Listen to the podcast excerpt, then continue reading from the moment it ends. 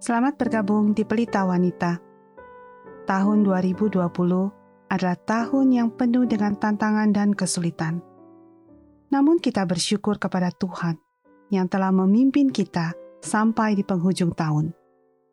Jika Ia menghendaki kita memasuki tahun 2021, mari kita mulai dengan mengejar intimasi dengan Allah melalui renungan harian di podcast Pelita Wanita yang diterjemahkan dari buku The Quiet Place oleh Nancy Dimos Walgemut. Adalah harapan kami agar podcast ini membantu kita semua membangun hati yang mau dibentuk dan melalui firman-Nya makin mengenal Kristus.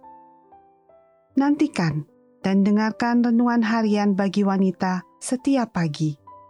Kiranya hanya dialah satu-satunya sumber kekuatan kita menjalani hidup sehari-hari.